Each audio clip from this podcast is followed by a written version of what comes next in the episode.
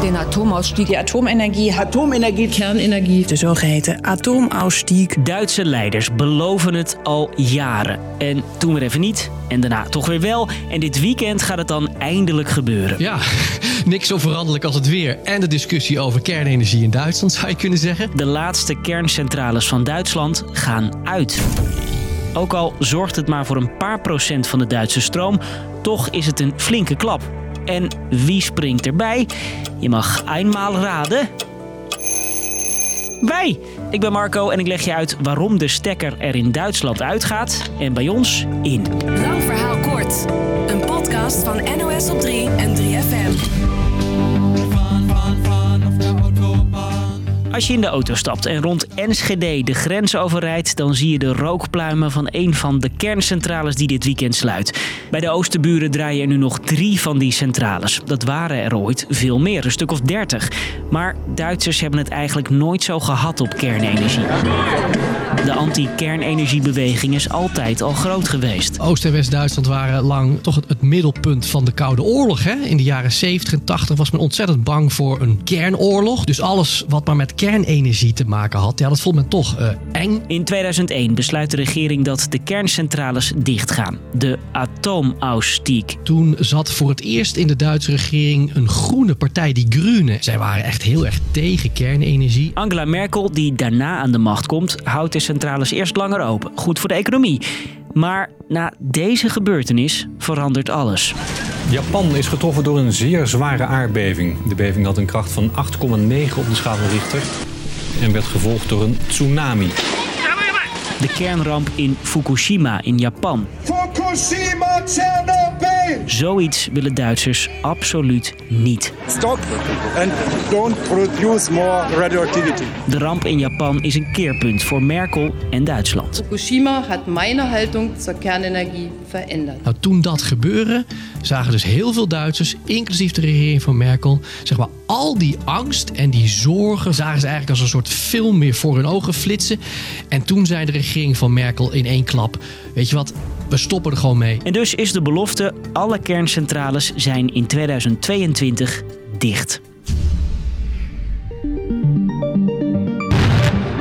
En zo worden al die centrales één voor één gesloopt. Een proces van jaren. Maar toen was daar die oorlog in Oekraïne en die zorgde voor energiepaniek. Duitsland was grotendeels afhankelijk van Russisch gas.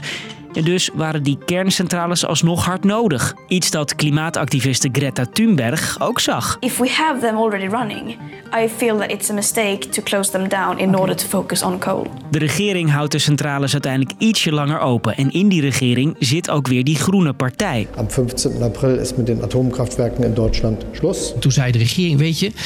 We hebben nog drie kerncentrales open. Die zouden eigenlijk in december 2022 dicht moeten. Laten we die dan toch maar weer even langer open houden, zodat we in ieder geval die winter doorkomen. Maar de angst van Greta komt wel uit.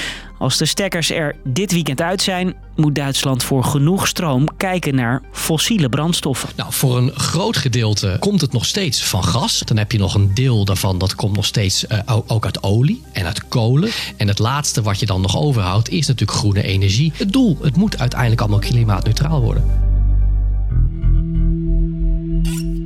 Duitsland gaat dus meer gas gebruiken. Waar halen ze dat vandaan, Wouter? Bijvoorbeeld uh, meer uit Nederland, er komt meer uit uh, Noorwegen, er komt meer uit, nou denk aan Amerika. Alleen één probleem, er is niet heel veel meer gas dat wij aan Duitsland kunnen geven, vertelt Irina Patrahau. Zij doet onderzoek naar energie. Nederland sluit in 2023, dus dit jaar, uh, het Groningen gasveld. Dus nu moet Nederland uh, meer gas voor zichzelf importeren, maar ook voor Duitsland. Nu de buren meer gas nodig hebben, moeten we dus zelf ook meer energie opwekken. Nederland heeft lange termijn contracten met uh, Duitsland voor een deel van aardgas. Dus uh, Nederland moet gas leveren aan uh, Duitsland. Als alternatief laat Duitsland ook nog vervuilende bruinkoolcentrales meer draaien.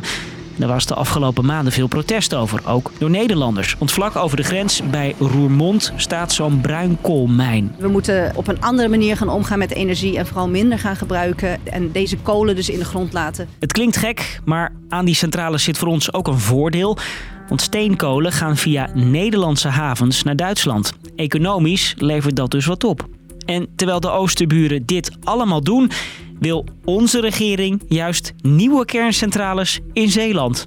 Ja, dat is toch ook gek, Wouter? Nou ja, dat, is een beetje ironisch natuurlijk. En zeker sinds de crisis is het aantal mensen in Duitsland echt wel toegenomen. Dat zegt, weet je, voor ons hadden die centrales eigenlijk best wel open kunnen blijven. Dus ja, het is, uiteindelijk is het een politieke discussie. Terwijl de bevolking eigenlijk zegt, ja, nou, het had ook niet gekund. Dus, lang verhaal kort. Na jarenlange protesten gaat dit weekend echt de stekker uit de allerlaatste kerncentrale van de Oosterburen. Door de energiecrisis bleven ze wat langer aan, maar de angst dat het fout kan gaan zit bij Duitsers diep. En die atoomausstiek zorgt ervoor dat wij meer stroom moeten gaan maken. En dat was hem weer. Eigenlijk best tot de kern gekomen weer, hè? Nou, fijn. Tjus! In een gloednieuw seizoen gaan zes nieuwe BN'ers in het diepste geheim en over hun diepste geheimen praten. Wie is de lesbie? Kom er nu achter bij de Lesbische Liga. Nu in je favoriete podcast app.